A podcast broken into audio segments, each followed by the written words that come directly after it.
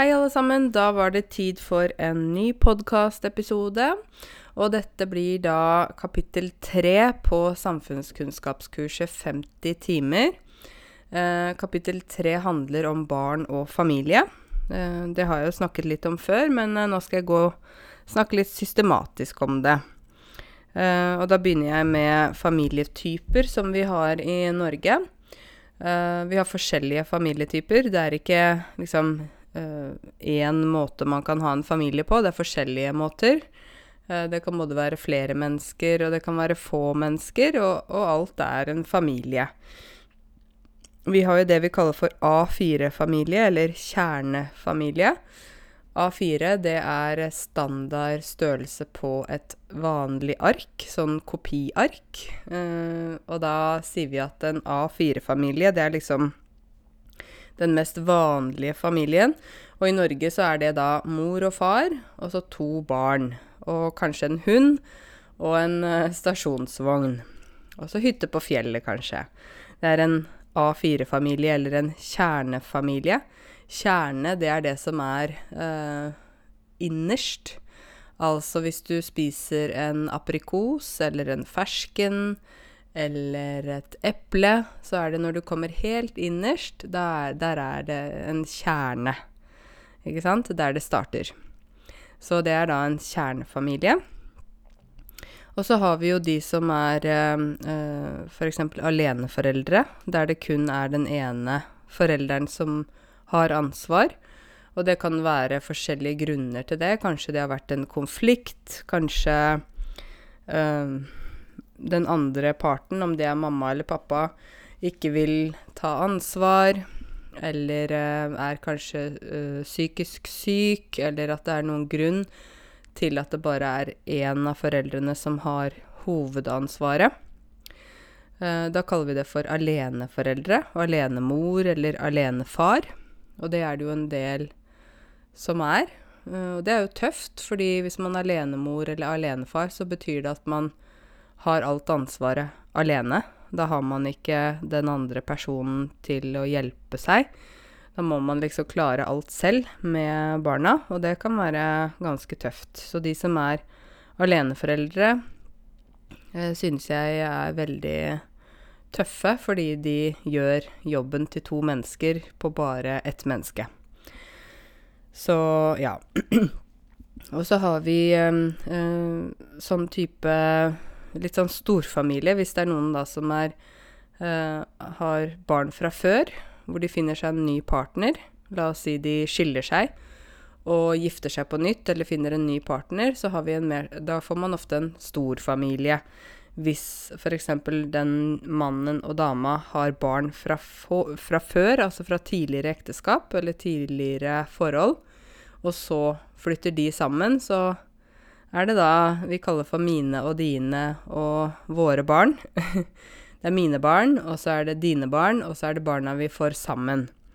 Og da kan det være at mannen har to barn fra før, og dama har to barn fra før, og så får de to barn sammen. så da kan det være én uke kan det være seks barn i huset, neste uke er det bare to barn i huset. Deres egne barn. Fordi det er sånn at de som skiller seg, de eh, fordeler Nå er det sånn at man fordeler, det betyr å dele. Man fordeler uh, foreldreansvaret 50-50. Det er det som er vanlig nå. Det betyr at barna bor én uke hos uh, mammaen og én uke hos pappaen. Før var det mer vanlig med uh, 80-20. at mammaen hadde hovedansvaret, 80 og at uh, fedrene da uh, hadde 20% altså annenhver helg, og kanskje én kveld per uke. Men nå så har det blitt sånn at det er mer vanlig med 50-50 fordeling. Og det er fordi at vi ser at det er veldig viktig at barna også har uh, god kontakt med pappaen sin. At de trenger begge foreldrene like mye. Kanskje de trenger mammaen litt mer i begynnelsen, når de er veldig små, hvis de skilles når barnet er veldig lite. Men eh, på sikt, på sikt, det betyr i fremtiden, langt frem, så er det eh, fint å ha begge foreldrene eh, lik tid, da. At begge foreldrene er involvert i barnas liv. Um, det er jo sånn at i Norge så har vi um, folk som er gift, og folk som er samboer, og som har barn. Og så er det noen som sier Men hvorfor er det sånn? Fordi i veldig mange land så kan man ikke få barn hvis man ikke er gift. Det er liksom Det går ikke. Her i Norge så er det veldig vanlig at man er samboer og får barn. Og hvorfor er det vanlig?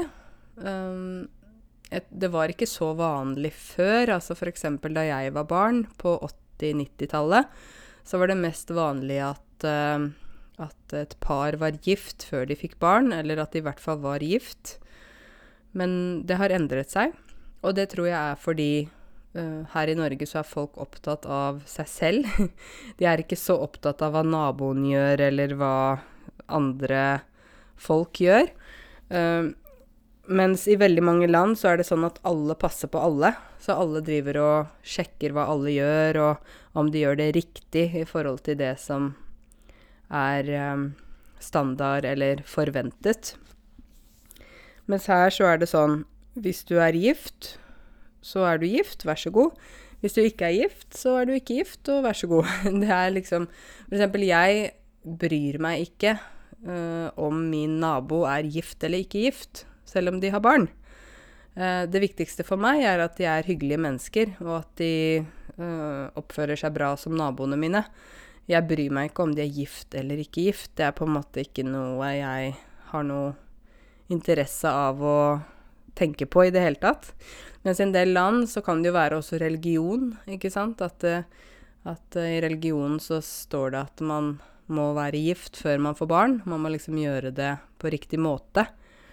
Og da kan jeg jo forstå at man, man gjør det. Um, og hvis man ikke gjør det, så kan man få mye problemer både med familien og samfunn der man bor og sånne ting. Mens her i Norge, i hvert fall nå, i 2020, så er det ikke noe særlig fokus på, på det. Det viktigste er at man selv er fornøyd med det valget man har tatt. Og hvis man da velger å være samboer og få barn, så, så kan man gjøre det. Det som da er lurt hvis man er samboer, det som er lurt, betyr det som er smart, det er å skrive en samboerkontrakt med en advokat, slik at man skriver opp alt uh, hva man uh, har lyst til å tenke på hvis man da skulle gå fra hverandre. Altså hvis forholdet ble slutt. Hva skjer med huset eller leiligheten? Hva skjer med bilen? Hva skjer med barna? Hva skal vi gjøre med uh, alle ting, ikke sant? Akkurat som hvis man skulle skille seg. Det jeg også ser, det er at en del starter som samboere og får kanskje ett eller to barn, og så gifter de seg senere. Og for noen så blir det helt Nei, du kan ikke gifte deg etter å ha fått barn. Nei, nei, nei. du må være gift først. Men her så er det ganske vanlig. Og det er rett og slett fordi her i Norge så er det ikke vanlig at foreldrene betaler for bryllupet. Man betaler for det selv. Og hvis man da skal gifte seg ganske ung, da, fordi man har lyst til å bo sammen, øh, og ikke får støtte fra foreldrene, da, da, blir det veldig vanskelig. Kanskje man nettopp er ferdig på universitetet, eller kanskje man fortsatt er student. Ikke sant? Det er umulig. Og da kan det være et alternativ å bo sammen først. Og så tror jeg også at uh, noen ikke er så opptatt av ekteskap. De tenker at det er ok å heller uh, ikke være gift. Fordi kjærligheten på en måte er mellom to mennesker. Det er ikke på et papir eller en ring på fingeren som, som viser kjærligheten. Kjærligheten er mellom to hjerter. Og mellom to mennesker, ikke uh, ved at man viser med en fest og man signerer et papir. Uh, folk tenker at uh, kjærligheten er mer enn det, og det kan ikke bevises med dokumenter eller noe sånt. Det er noen som tenker det. Og så er det noen som da velger å gifte seg når de får bedre økonomi. Når de føler at nei, nå, nå har vi råd til å ha et bryllup.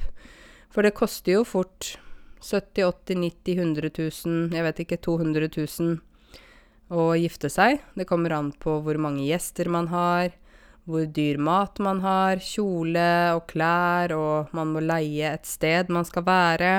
bryllupsreise, det er mange ting å tenke på. Og en del tenker at det, det får vi vente med. Og igjen så er det det at vi ikke har det derre presset fra samfunnet. Som jeg sa, mine naboer bryr seg ikke om jeg er gift eller samboer, og det samme er det for meg med dem. Og samfunnet der jeg bor, og min familie og mine venner, de har ikke noe sånn press på meg om at jeg må være gift, eller jeg må gjøre sånn, eller jeg må gjøre sånn. Det er mitt valg. Jeg bestemmer selv. Uh, og det, det, må jeg si at jeg liker det. Um, jeg forstår at det er forskjellig fra land til land, og kultur til kultur, og religion til religion. Men jeg som karense, jeg er veldig, veldig glad for at jeg får lov til å bestemme selv om jeg vil være gift, når jeg skal bli gift eller ikke gift, eller hva jeg velger. Det er jeg veldig, veldig, veldig glad i eh, her i Norge.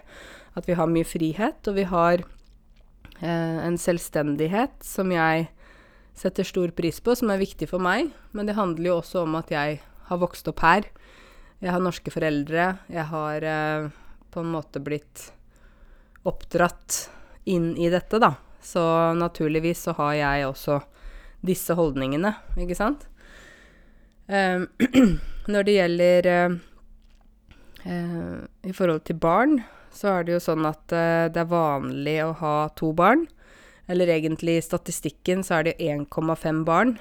særlig i byene så er det jo sånn at kvinnene starter litt seint med å få barn. Uh, og det er jo ofte fordi de først har studert, og så vil de jobbe og ha en karriere selv også, før de stifter familie. Å stifte familie uh, Du vet å stifte papirer sammen. Det er liksom å sette noe sammen. Så når man stifter familie, så starter man familie.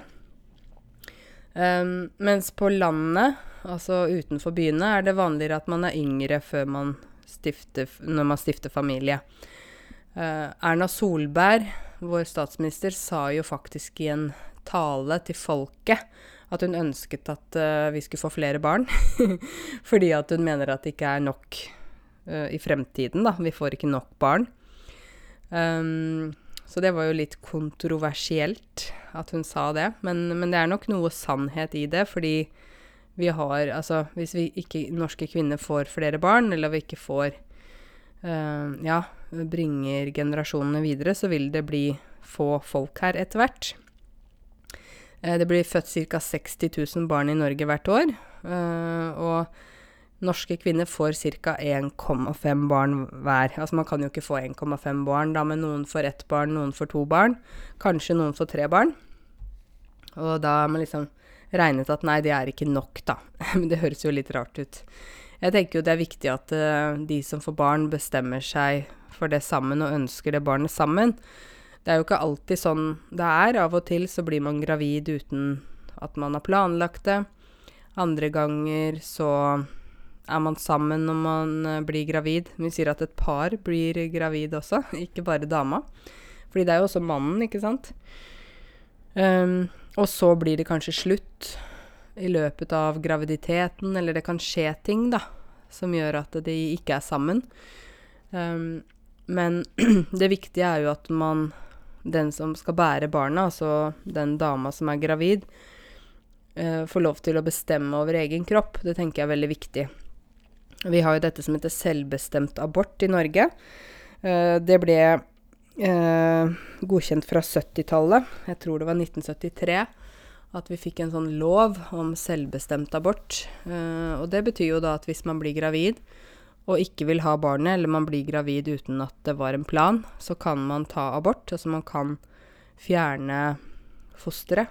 Foster er en før det har blitt en baby, da, på en måte. Når det begynner å vokse. Og det er jo veldig mange som diskuterer mye rundt dette her. Men det er altså sånn i Norge at man kan ta abort inntil tre måneder. Men hvis det er over tre måneder, da må det være noe spesielt, f.eks. at barnet er veldig sykt eller noe sånt, som gjør at man kan ta abort. Um, men dette er noe som er veldig Jeg syns det er veldig viktig at kvinner får lov til å bestemme det selv. At um, Jeg vet jo om flere land der man ikke har lov til å ta abort, og jeg tenker hvis, altså det å få et barn er et så stort ansvar.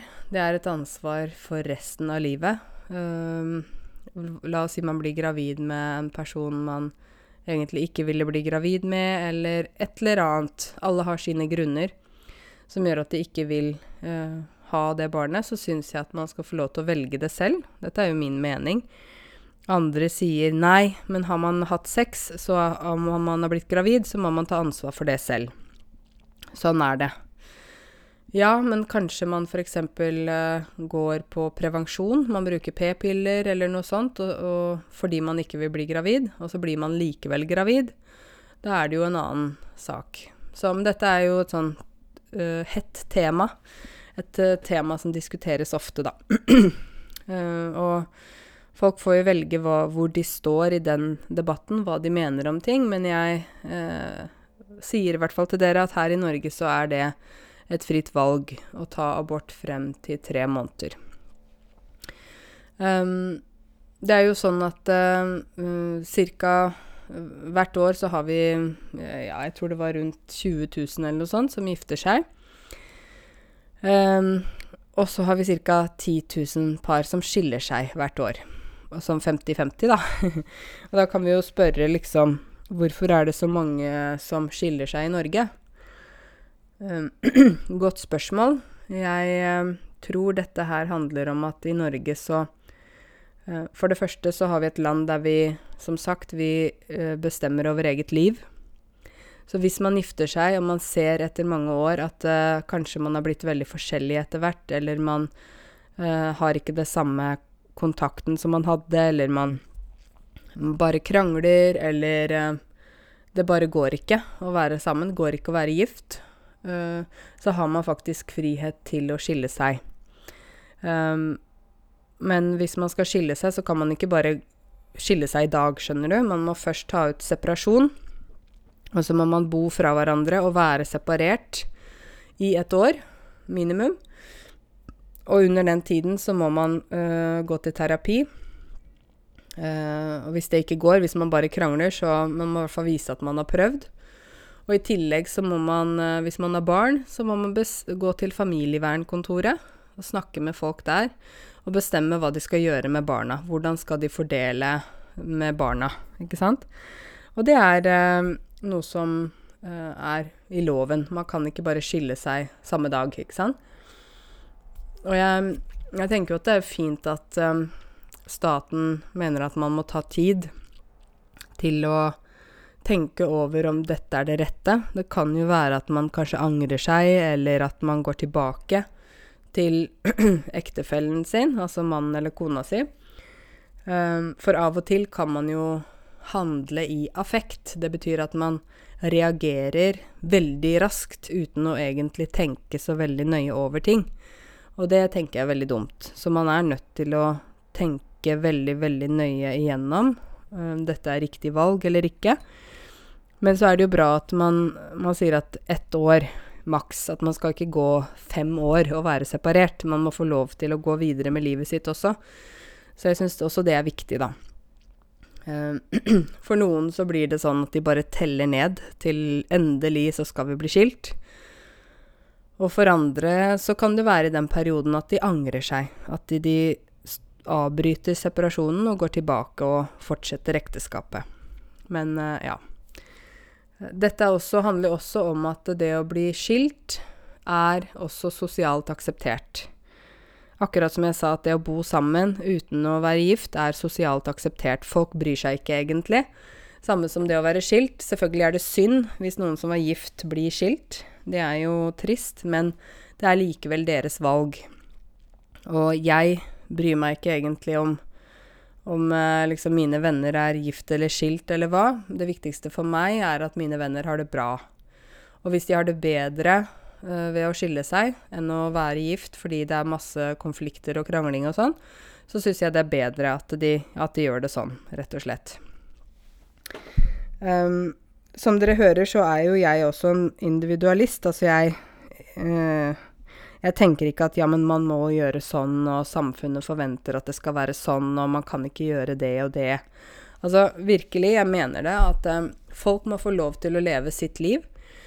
Hva min nabo gjør, eller hva uh, min kollega gjør, så lenge den personen er snill og hyggelig og grei og behandler andre med respekt, så, så er det ikke viktig for meg om de er samboer eller gift eller skilt eller hva. Jeg bare ønsker at de skal ha det bra. Eh, jeg vet at mange tenker nei, man må, man, må være, man må, ikke skille seg, det er skam, og det er forferdelig, og man må ikke gjøre det.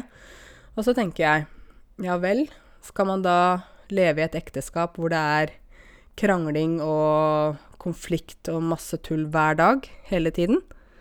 Skal man ha et sånt liv? uh, når man faktisk bor i et land der det er lov til å uh, gå fra hverandre hvis det ikke går. Jeg syns at det er veldig viktig at man, man får velge selv. Jeg syns det blir helt feil at uh, samfunnet skal velge for deg. For meg så er det helt uaktuelt. så jeg kunne nok ikke fungert bra i et land der det var et sånn storsamfunn, da, som skulle putte nesa si nedi mine ting. Skjønner du hva jeg mener med det? Å putte nesa si nedi tingene. At de blander seg inn. De begynner å liksom se hva du gjør, om det er riktig eller feil, eller sånn. Jeg tror jeg hadde blitt så sint. Jeg tror jeg egentlig ikke bare sint, jeg er blitt forbanna. Hvis noen skulle sagt 'nei, Karense, du må gifte deg, du kan ikke være sammen med han før han Nei, dere må gifte dere først, eller 'nei, du kan ikke skille deg fordi det er sånn og sånn', eller ikke sant? Jeg, jeg, hadde blitt gal av det. Jeg hadde blitt veldig sint, tror jeg. det handler jo også om at jeg vokste opp her i Norge, og jeg har norske foreldre som har lært meg norske verdier, så jeg har jo naturligvis det inni, inni meg. Og derfor så ville det vært veldig vanskelig for meg hvis jeg ikke skulle bestemme over mitt eget liv, men familien skulle bestemme over meg, eller samfunnet skulle bestemme over meg. Det hadde ikke gått. Det hadde blitt helt uh, stor konflikt, tror jeg. Så ja. Jeg tenker jo um, Hvordan man lever når man lukker døra og er inne i sin leilighet eller sitt hus, det er faktisk uh, ikke andres uh, greie, andres business. Det er din egen business. Det er ditt liv. Og du velger å leve sånn som du ønsker å leve, da, tenker jeg. Eller i hvert fall sånn jeg har lyst til å ha det. Um, jeg, snakker jo om det med familietyper. Jeg har snakka om uh, samboere og ektepar og de som er skilte, og de som uh, er alenemor, alenefar. Um, og så er det også de som mister partneren sin. Hvis de er gift, så, og uh, den mannen eller kona dør, så heter det da enke hvis man er dame. Da hun er en enke. Eller så heter enkemann hvis han er mann som mister kona si. Og det skjer jo med noen, det, dessverre. Og da, da er de på en måte aleneforeldre, men, men da er den andre personen død, da. Ja. Uh, og så har vi jo Ja, dette er som jeg snakket om med storfamilien, ikke sant. Mine og dine og våre barn. Det er jo veldig vanlig nå. Det er jo veldig vanlig at man møter noen som har barn fra før.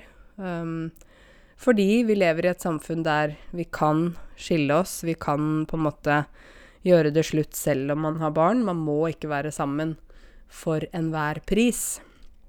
Å være sammen for enhver pris betyr at man uh, Uansett hva, så skal man være sammen. Selv om man krangler, selv om det er konflikt, så skal man liksom holde sammen, da. Eh, sånn er det ikke her.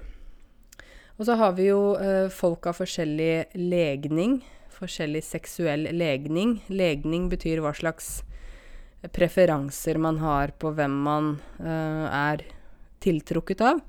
Vi har jo heterofile par der det er mann og dame. ikke sant? Det er kanskje det mest vanlige. Og så har vi homofile, der to menn velger å være sammen, om de er gift eller om de er samboere. Og så har vi lesbiske, der to damer bor sammen.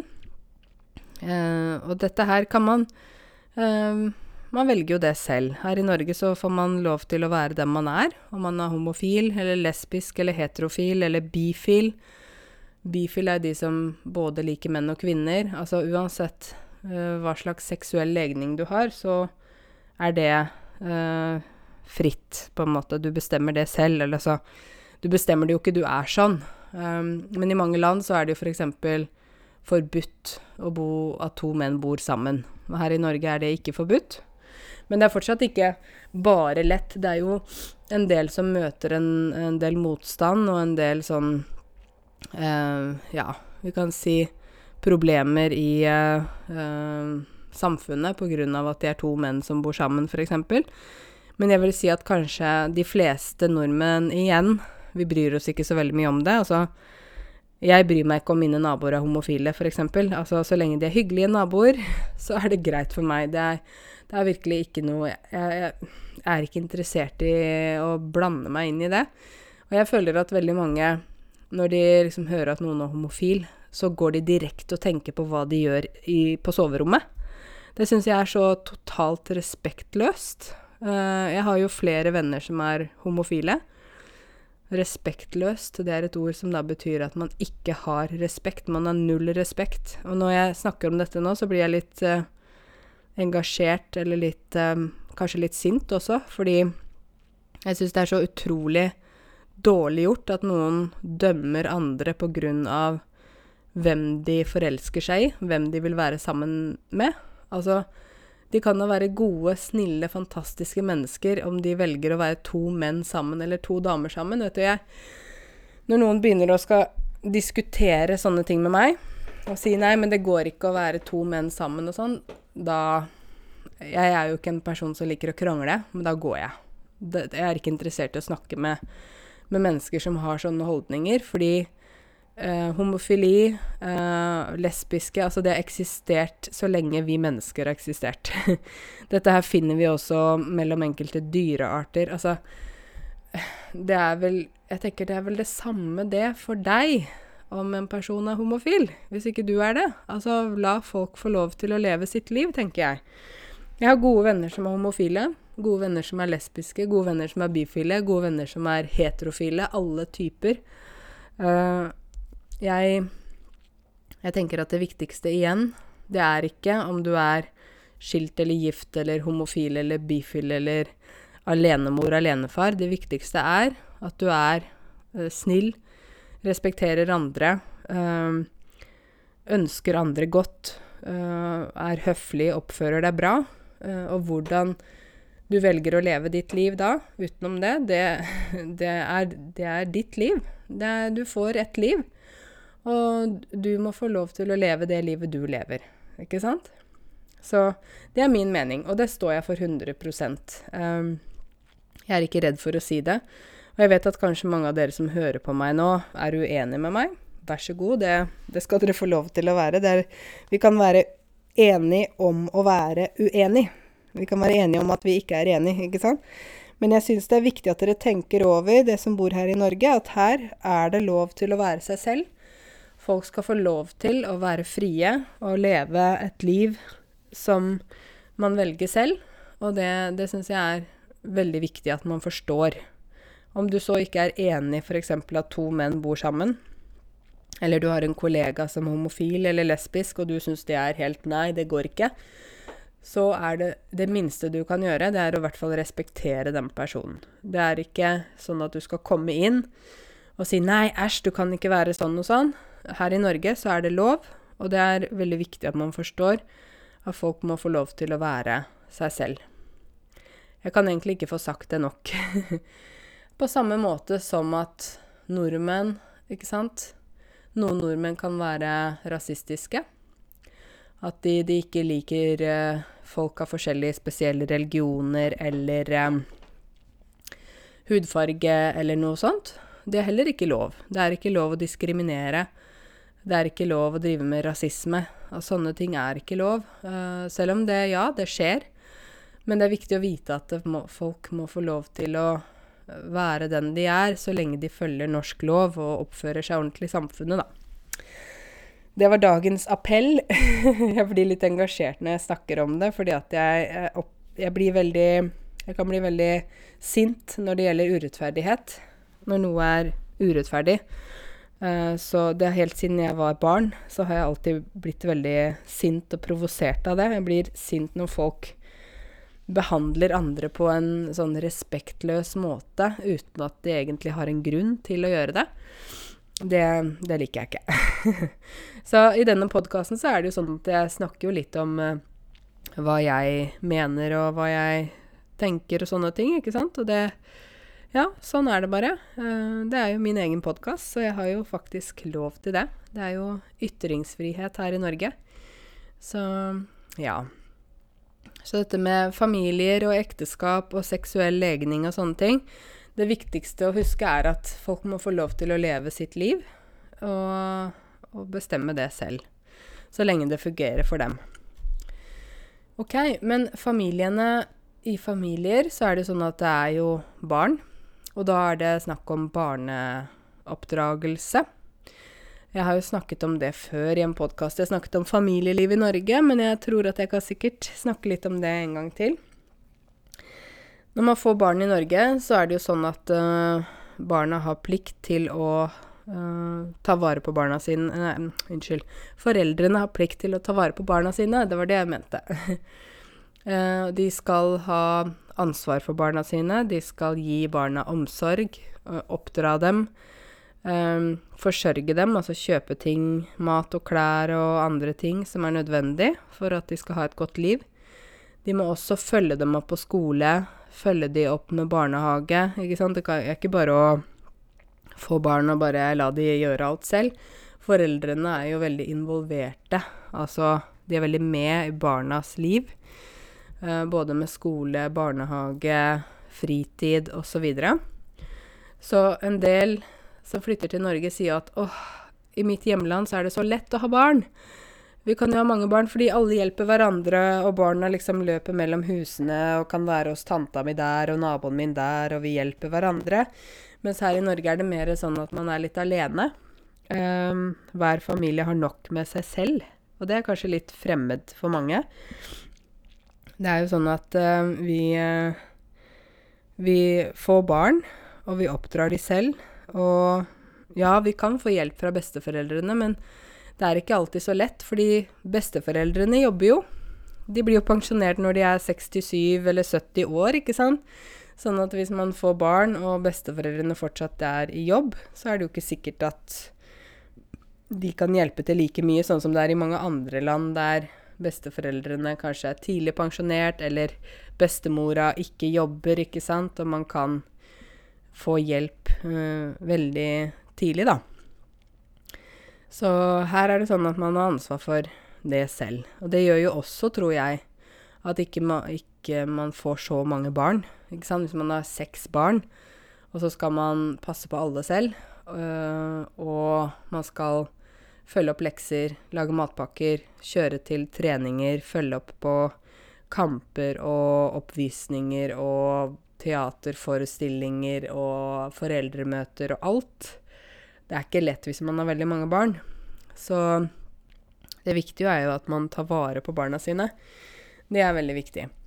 Eh, når det gjelder norsk barneoppdragelse, så er jo vi her i Norge kanskje litt annerledes fra mange av deres kulturer. Vi har veldig fokus på dette med selvstendighet uh, i oppdragelsen vår. Det er kanskje det viktigste. At vi vil at barna skal bli selvstendige. Vi vil at barna skal klare å leve et liv selv etter de er 18 år. Fordi når, fra de er 18 år, så er de ved norsk lov myndige.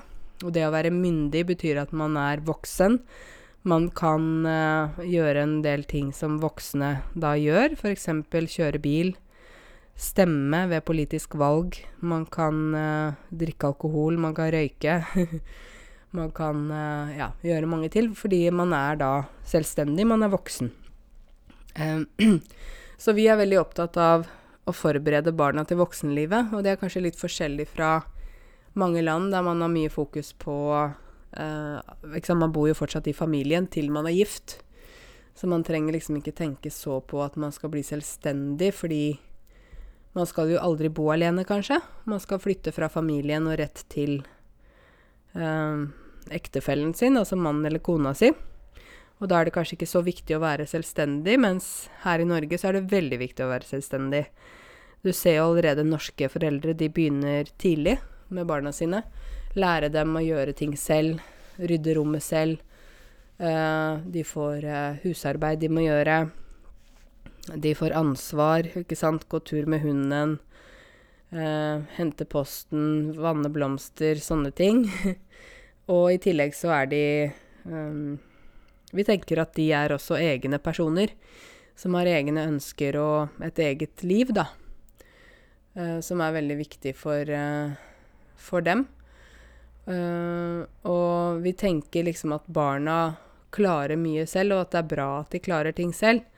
Som min mor sa til meg, Karense, du må huske på det at selv om du har kjæreste og etter hvert en ektemann og sånne ting, så, så har du egentlig bare deg selv også.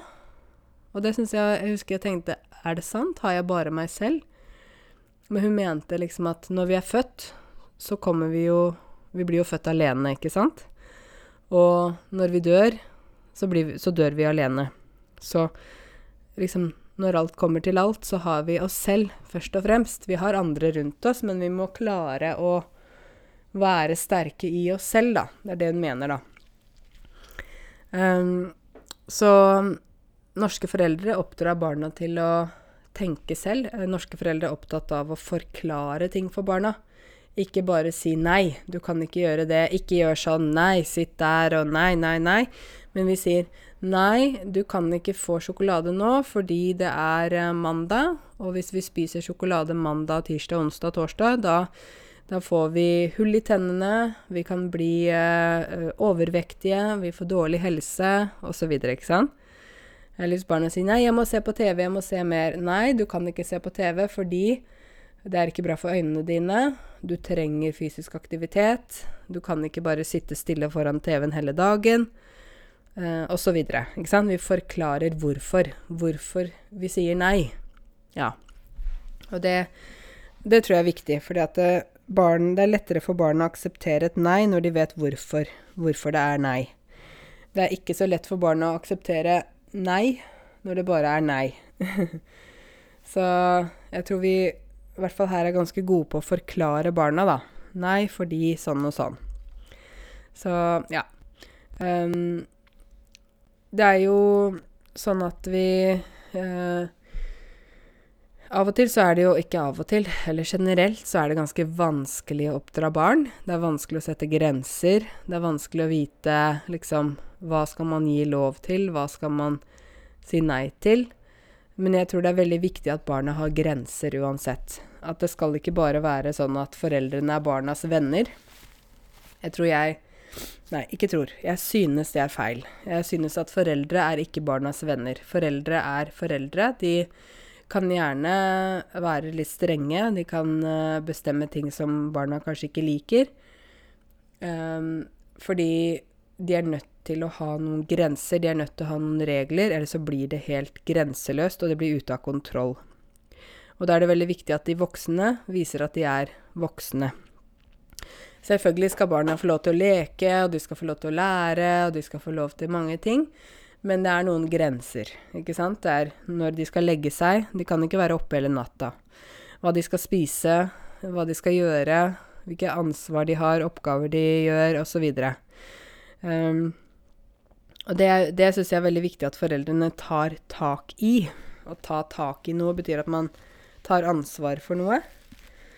Og at eh, barn, ja, de skal få lov til å være barn, men de voksne må også være tydelige på at de er voksne, de er foreldre. Og de er ikke barnas kamerater, venner, men de er faktisk barnas foreldre, og de må bestemme enkelte ting for barna. Og, og det er for at det blir best mulig for dem, tenker jeg. Så jeg husker mine foreldre. Vi hadde jo absolutt uh, klare grenser. Ikke sant? Ikke, vi fikk ikke lov til å gjøre alt vi ville, jeg og min søster. Uh, vi måtte spørre om ting. Av og til fikk vi ja, men av og til fikk vi nei. Så ikke, vi fikk ikke lov til å gjøre alt vi ville. Men uh, når jeg ser tilbake på det nå, så tenker jeg at det var veldig bra. Samtidig lærte foreldrene våre også å bli selvstendige og klare ting selv. Uh, og ta ansvar for ting selv, og det er jeg veldig glad for. Um, jeg har f.eks. aldri spurt min mamma om penger etter at jeg flyttet ut. Det er eh, Det har jeg lært at jeg skal klare meg selv. Jeg har lært hvordan jeg skal betale regninger, tjene penger, vaske klær, lage mat. Uh, ta ansvar for meg selv, da. Det har jeg lært av meg selv. Uh, og av min mor og av min far. Og det er jeg veldig glad for, fordi det gjør at jeg, uansett hvor jeg er i verden, Uansett hva jeg gjør, så vet jeg at jeg kan stole på meg selv. Jeg står på to bein, trygg og rolig. Jeg er ikke nervøs. Jeg vet at jeg klarer meg uansett. Jeg, er, jeg klarer meg uh, i livet mitt, og det er viktig. For meg er det veldig viktig. Um, når det gjelder barnevernet, jeg har jo snakka om barnevernet før, uh, for dere som har hørt på andre episoder av podkasten min, men jeg kan jo godt si litt om det. Det er veldig mange sånne rykter som florerer, og florere betyr at det er mye av det. Rykter om barnevernet, at barnevernet er sånn, og de tar barna, og de kommer inn og plager familier og sånn. Og jeg er helt enig i at ja, det har blitt gjort feil, og det har jo faktisk vært nå eh, Barnevernet har vært oppe i Er det ikke men menneskerettighetsdomstolen i Strasbourg i Frankrike? Hvor det har vært grove feil. Barnevernet har gjort skikkelig store feil. Og det kan skje. Uh, men det bør ikke skje.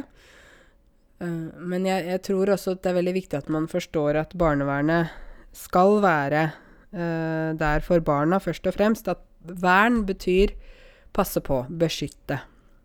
Barnevern betyr beskytte barn. Hvis det er barn som bor i familier der foreldrene er alkoholikere eller rusmisbrukere, altså de misbruker narkotika, det er fysisk vold, de blir masse slått, de blir seksuelt misbrukt, ikke sant? Det er det hvor eh, foreldre gjør ting seksuelt med barna sine. Skjønner dere? Jeg er så glad for at vi har et barnevern som beskytter barna våre. Og at ikke det er sånn at man uh, er prisgitt sin familie. Å være prisgitt betyr at man er heldig eller uheldig. Ikke sant? Har man en god familie, ok, gratulerer. Du var heldig som hadde flinke foreldre. Har man en dårlig familie, nei, beklager. Det, det var synd for deg. Så syns jeg blir veldig feil. Og jeg har jo sett barn som ikke har det bra, og som har kommet i fosterhjem og fått det mye bedre. Um, og så har jeg Det jeg tenker da er veldig viktig, er at Og som det bør bli mer av, er at hvis et barn som kommer fra en minoritetsspråklig eller minoritetsfamilie, la oss si et barn som kommer fra en indisk familie, da, eh, altså der foreldrene er fra India, så tenker jeg det er mye bedre at de kommer til fosterhjem der foreldrene uh, er indiske, ikke sant. Ikke at de kommer til norske foreldre, fordi norske foreldre vil ikke forstå den indiske kulturen. Så det tenker jeg at vi bør ha mer av. Vi bør ha flere fosterforeldre som har minoritetsbakgrunn. Hvis et barn som har polske foreldre, blir tatt ut av familien sin av en eller annen grunn, så bør de, hvis det er mulig, komme til et fosterhjem der foreldrene også er polske.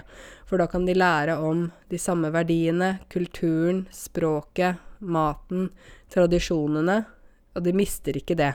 For det er jo en del av identiteten, ikke sant? Dette her med hvor vi kommer fra. Så det tenker jeg er bedre, da, hvis, man, hvis, man, hvis, det er mulig. Det er jo selvfølgelig ikke alltid mulig, men, men så langt det lar seg gjøre, så tenker jeg det er bedre. Men jeg, som sagt, jeg er veldig glad for at vi har et barnevern som passer på barna. I mange land så har man ikke det. Uh, som sagt, man er prisgitt familien sin. Man er heldig, eller man er uheldig. Og det syns jeg blir for risikabelt, egentlig. Uh, og dette med barnevernet er sånn Det er så mye rykter som går, så jeg tror man må se på hver sak isolert, da. Og så er det ofte at man får bare høre én side, ikke sant. Man får ikke høre den andres, andre siden. Så en sak har alltid to sider. Eller flere sider. Ja, dere, når det gjelder skolegang, så er det sånn at uh, barn i Norge har rett og plikt til å gå ti år på skolen, fra barneskole og ut ungdomsskolen. Man har rett til å gå på videregående også, men man har ikke plikt til å gå på videregående. Jeg personlig er uenig i det. Og det er fordi jeg mener at hvis, hvis, vi, hadde satt at, uh, hvis vi hadde satt det som et krav at videregående var obligatorisk, så ville vi også kunne på en måte gjøre det lettere for ungdommer senere, fordi de da kunne komme inn på universitet og høyskole direkte. De som dropper ut av videregående, og vi har jo en del av de, hvis de da senere i livet bestemmer seg for nei, jeg vil gå på universitetet likevel, da må de gå tilbake først og bli ferdig med videregående, og så kan de søke om uh, universitet. Og da synes jeg at man Det blir sånn dobbelt opp, da. Så jeg tenker at uh, jeg skulle ønske at det var 13 års obligatorisk skolegang, at man måtte gå 13 år på skole, ikke 10. Jeg syns 10 er for lite. Um, jeg tenker liksom, hva gjør man etter ungdomsskolen hvis man ikke skal gå på videregående? Hva skal man gjøre da? Altså begynne å jobbe? Er man bare 16 år? Jeg tenker at vi har jo gratis utdanning i Norge. Vi har, Du kan jo ta helt opp til doktorgrad. Ikke sant? Uten å betale nesten, nesten ingenting. Når du går på universitet og høyskole, så betaler du, jeg vet ikke, 1000 kroner per semester eller noe sånt. Det er liksom ingenting i forhold til andre land, da. Men uh, ja, det er ti års uh, obligatorisk skolegang i Norge, da. Uh, I dette kapitlet så står det litt, om boliger også. At vi har forskjellige boliger i Norge. Og boligene våre, de er dyre. det er det første jeg kan si. Jeg syns at boligene i Norge er veldig dyre. Vi har jo forskjellige typer boliger. Eh, på landet, altså når man bor utenfor byen, så er det kanskje mer vanlig å bo i enebolig eller hus. Eller tomannsbolig. Bor man i en by, så er det mer vanlig å bo i blokk eller bygård. Eller um, lavblokk. Altså man har heller en leilighet.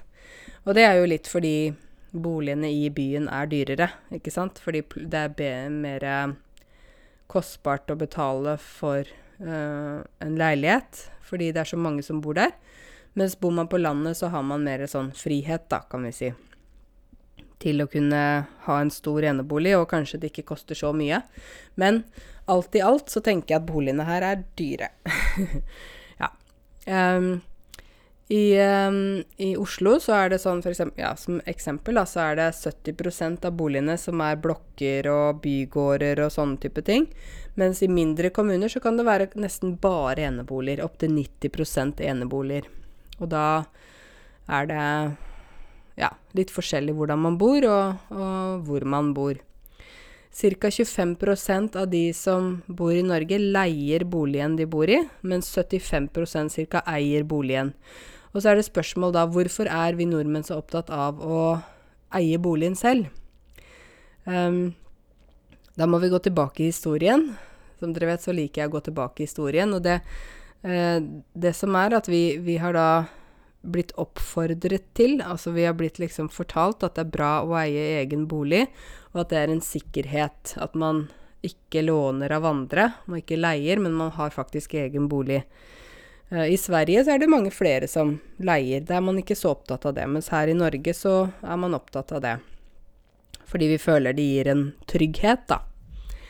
Um, når du eier en bolig, så er det to måter du kan eie en bolig på. Du kan være selveier. Det betyr at det er din leilighet eller uh, ja, din bolig. Altså har du enebolig, så er du alltid selveier. Men hvis du har leilighet, så kan det være to forskjellige typer. Selveier, da eier du den selv. Og da må, kan du også bestemme litt mer selv hvordan du vil gjøre ting. Men så er det da borettslag eller aksjeselskap. Da må du søke om uh, Hvis du skal f.eks. pusse opp og sånn, så må du søke om godkjennelse til å gjøre det. Så uh, mens, hvis, Men så har man liksom mer penger kanskje i borettslaget til at man kan si nå skal alle bad i denne blokka pusses opp. Ikke sant? Så trenger man ikke å ta opp lån for å pusse opp, man bare man får nytt bad. Og det er også ofte fordi man da betaler uh, høyere felles um, Hva heter det fellesutgifter per måned. Det er litt forskjellig, da. Jeg har en selveier tomannsbolig. Uh, det betyr at det er et hus som er delt i to. Og den kjøpte jeg for uh, snart syv år siden. Jeg hadde først en leilighet nede i byen, i Oslo, på Tøyen. En selveier. Jeg liker best å ha selveier, for jeg er litt sånn Jeg liker ikke å være avhengig av å spørre andre for å få aksept for noe. Så det var en um, selveier. Det var min første leilighet, som jeg kjøpte i 2010. Og så solgte jeg den i 2000 og Nå skal vi se 2013. Og da kjøpte jeg den eh, tomannsboligen som jeg har nå, men da flyttet jeg litt ut av Oslo sentrum, for da fikk jeg større leilighet for nesten samme eh, beløpet. Så det er jo alltid sånn at bor man i sentrum, så er det veldig dyrt. Men jeg har hund, ikke sant. Jeg syns det var deilig å ha litt mer plass og sånne ting. Så da bor jeg litt utenfor byen. Jeg syns det er deilig. Akkurat nå så pusser jeg opp badet. Det hørte dere kanskje også i forrige podkast. Og det er så slitsomt. jeg bor ikke hjemme akkurat nå fordi jeg rett og slett ikke kan bo hjemme. Fordi jeg ikke har øh, dusj og toalett og sånn. Så jeg leier Airbnb-leilighet. jeg var turist i egen by nå. Jeg var først et par uker hos mamma, men hun bor jo nesten ved Drammen, så det er litt vanskelig. Så da leide jeg nå Airbnb-leilighet. Og da bor jeg da uh, ikke så langt unna hjemme, men det er likevel ikke hjemme, ikke sant? Så det er litt sånn slitsomt å bo i koffert. Men uh, siden jeg eier min egen bolig, så er jeg jo opptatt av å ha god standard. Så hvis jeg skal selge den en dag, så kan jeg få bra pris. Men det viktigste for meg nå er å få nytt bad, fordi badet mitt var veldig slitent badet var slitent. Det betyr ikke at et bad er sliten, altså Akkurat som mennesker er sliten, men det betyr at badet var liksom gammelt og ja, det var ikke så bra, da. Så det blir veldig deilig når jeg blir ferdig. Det er ferdig om litt over en uke, tenker jeg. Ja. Skal snakke litt om uh, dette med likestilling òg, for det er også en del av det kapitlet. Jeg ser at denne podkasten blir litt lang, men dere får bare holde ut. Likestilling, det er jo noe som dere kanskje har opplevd uh, ganske tydelig her i Norge. Vi er opptatt av likestilling. Vi er opptatt av at menn og kvinner skal ha like rettigheter, lik lønn, like muligheter.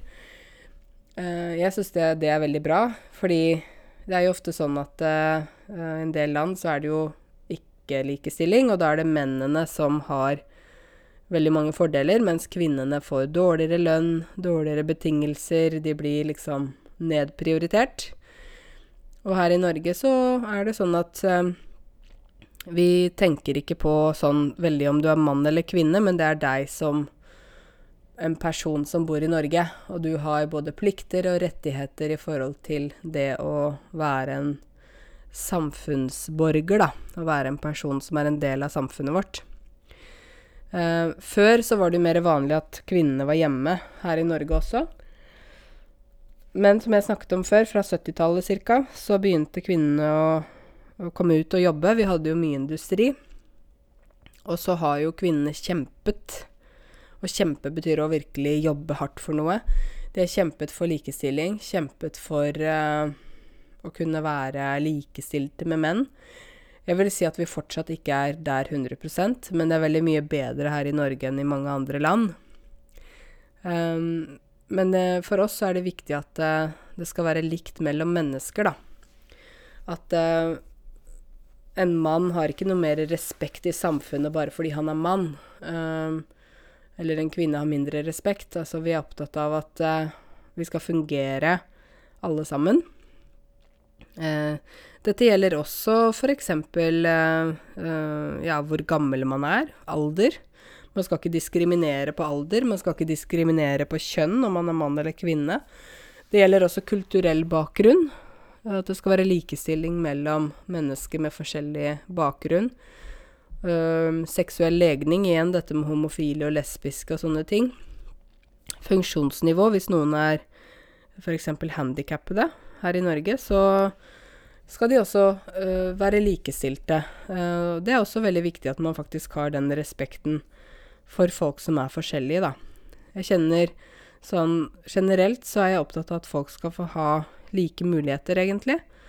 Jeg eh, Om de så er eh, har nedsatt funksjonsevne, f.eks. sitter i rullestol, om de er lesbiske, om de er buddhister, muslimer, har mørk hud, lys hud, er mann eller kvinne, så er jeg opptatt av at eh, det dette er alt Alle er mennesker som bør ha like rettigheter og like muligheter i et samfunn. Ikke basert på hvor de kommer fra, hvordan de ser ut øh, og sånne ting. Men at vi alle skal ha like rettigheter til å øh, få det godt i samfunnet, da. Det tenker jeg er viktig. Uh, til slutt så vil jeg bare snakke litt om dette her med rett til å bestemme over eget liv. Her i Norge, som sagt, så er det sånn at vi, vi har lov til å være oss selv. Vi har lov til å velge det livet vi vil leve, så lenge vi følger norsk lov, så lenge vi uh, opptrer, uh, oppfører oss med respekt og er snille og greie, så er det veldig viktig at vi er en del av samfunnet vårt, og at vi får lov til å leve som vi velger. men det er jo noen som lever i f.eks. For forhold der det er vold, altså vold i nære relasjoner, kaller vi det. Vold i familie. Og vold er jo da hvis man blir slått, sparket, ikke sant? Når noen er voldelig. Slår og sparker og klyper og biter og lugger og alle de tingene der. Det er helt forbudt i Norge. Hvis du kjenner noen som blir utsatt for vold, altså du kjenner f.eks. en kollega som har en, eh, en partner som slår, så eh, er det viktig at du selvfølgelig støtter den personen, men også kan du rapportere. Du kan ringe til politiet og si fra deg hvis du har, la oss si, naboer. Du hører at det er sånn type veldig høylytt krangling. Høylytt betyr veldig høy lyd, at de skriker og du tenker at det kanskje er noe her. Så, så har du faktisk plikt å melde fra til politiet. Og hvis du selv er i et forhold der du blir slått, mishandlet, fysisk eller psykisk, så er det faktisk ikke lov. Det er forbudt å gjøre det i Norge. Det er forbudt å slå mannen sin, forbudt å slå kona si. Det er ikke lov. Eh, og man blir dømt til fengsel for dette her hvis man gjør det. Eh, det er ikke lov å slå sin partner, det er ikke lov å slå sine barn. Det er rett og slett ulovlig. Eh, og dette her blir straffet med fengsel. Og jeg syns det er veldig viktig at man tar det på alvor, fordi jeg vet at i mange land så er det veldig vanlig å slå barna lite grann. Eller man kan slå kona si, eller slå hverandre, krangle, ikke sant. Det er ikke lov. Det er rett og slett ikke lov. Det er lov å diskutere, snakke og sånn, men det er ikke lov å F.eks. også psykisk vold, ikke sant. Man kommer med trusler. Hvis du ikke gjør dette her, da kommer jeg til å slå deg ned, jeg kommer til å kutte strupen din, jeg kommer til å drepe deg Ja, alt dette her er ulovlig. Det er trusler. Så det er verken lov med fysisk vold, psykisk vold, som f.eks. sånn type trusler, eller noe som helst av dette her. Det er faktisk ulovlig. Uh, og det er noe som er veldig viktig at, uh, at uh, man vet. Hvis, hvis, du har blitt utsatt for vold, å bli utsatt for noe betyr at det skjer med deg. Hvis du har blitt utsatt for vold, så har du faktisk lov til å anmelde det, og det bør du gjøre. Det finnes også krisesentre der noen må dra hvis det er en familie der det virkelig er, det er farlig å være hjemme. F.eks. ved at um, man blir slått, eller uh, noe sånt. Da finnes det krisesentre der kan, man kan bo på midlertidig. Og det er også noen som faktisk må bytte identitet. De må bytte navn. De må flytte fordi det er farlig å, bo, å være ute i samfunnet pga. da en partner. Det er ganske alvorlig, altså. Tenk deg det, at man ikke kan være Man kan ikke være fri, man kan ikke være ute. Uh, man kan bli tatt, man kan bli kidnappet, ja. Uh, og jeg vet om flere som har byttet identitet, har byttet navn. De har endret utseende, farget håret eller flytta til et helt annet sted. De lever på skjult adresse med skjult nummer fordi det rett og slett er farlig for dem å leve uh, som den de egentlig er. Og det er ganske ille at det faktisk er sånn. Men sånn er det med noen. Det kan være sjalusi, det kan være et eller annet som gjør at de har blitt Som gjør at den andre er veldig uh, misunnelig, sjalu, et eller annet sånt. Men det er ikke lov. Det er ikke lov, rett og slett. Så fysisk og psykisk vold er ikke, er ikke akseptert. Så det. Uh, med det så uh, tenker jeg at jeg ender uh, denne podkasten her. Når jeg har sagt om mange ting. Men det er et viktig kapittel. Alt i alt, det jeg alltid tenker sånn når jeg skal oppsummere, da, når jeg skal tenke hva er viktigst å vite når det gjelder barn og familie, Det viktigste å vite, tenker jeg, er at man har rett til og lov til å leve det livet man selv ønsker, med den man ønsker å leve sammen med. Um, man har lov til og rett til å være seg selv, så lenge man følger norsk lov og ikke plager andre og diskriminerer andre. Om man fungerer i samfunnet, så har man lov til å være den man er. Det tror jeg er det viktigste. Og det er ikke sånn at andre har noe rett til å blande seg inn i hvilke beslutninger og, og ting du gjør i livet ditt, så lenge du følger loven. Det er ditt valg, det er ditt liv. Så da håper jeg at dere har lært noe nytt i denne podkasten. Og ta vare på de dere er glad i, om det er venner og familie, barn, eh, naboer. Vær snille og gode mot hverandre. Det tror jeg er det aller viktigste. Takk for at du lyttet til podkasten min, og vi høres igjen snart med et nytt kapittel på dette samfunnsfagkurset. Ha det godt.